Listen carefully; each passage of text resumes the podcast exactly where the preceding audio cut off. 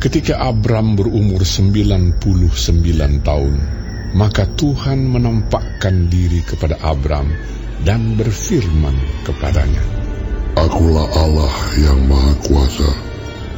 Hiduplah di hadapanku dengan tidak bercela. Aku akan mengadakan perjanjian antara aku dan engkau, dan aku akan membuat engkau sangat banyak.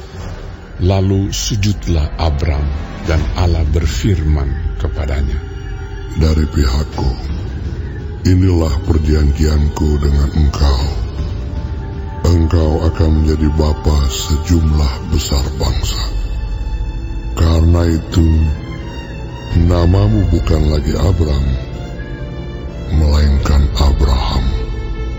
Karena engkau telah kutetapkan menjadi bapa sejumlah besar bangsa. Aku akan membuat engkau beranak cucu sangat banyak. Engkau akan kubuat menjadi bangsa-bangsa, dan daripadamu akan berasal raja-raja.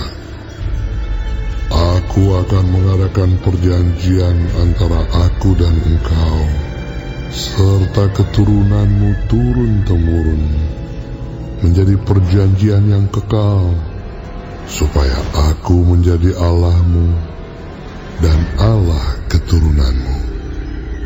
Kepadamu dan kepada keturunanmu akan kuberikan negeri yang kau diami sebagai orang asing, yakni seluruh tanah Kanaan akan kuberikan menjadi milikmu untuk selama-lamanya.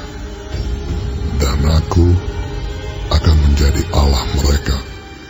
Lagi firman Allah kepada Abraham, Dari pihakmu, engkau harus memegang perjanjianku, engkau dan keturunanmu turun-temurun.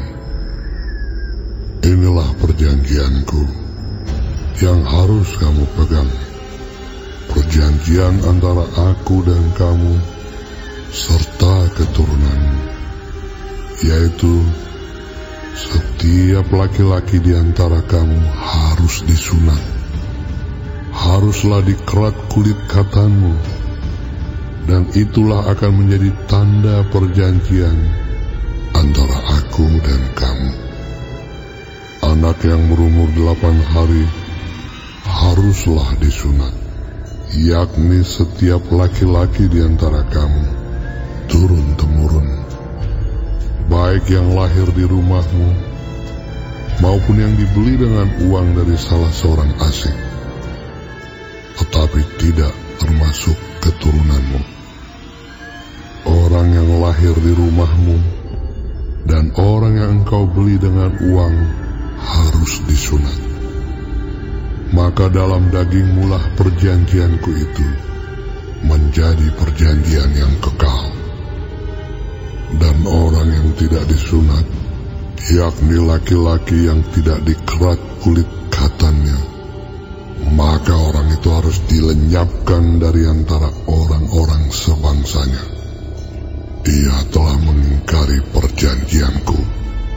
Selanjutnya Allah berfirman kepada Abraham, Tentang istrimu Sarai, janganlah engkau menyebut dia lagi Sarai, tetapi Sarah, itulah namanya.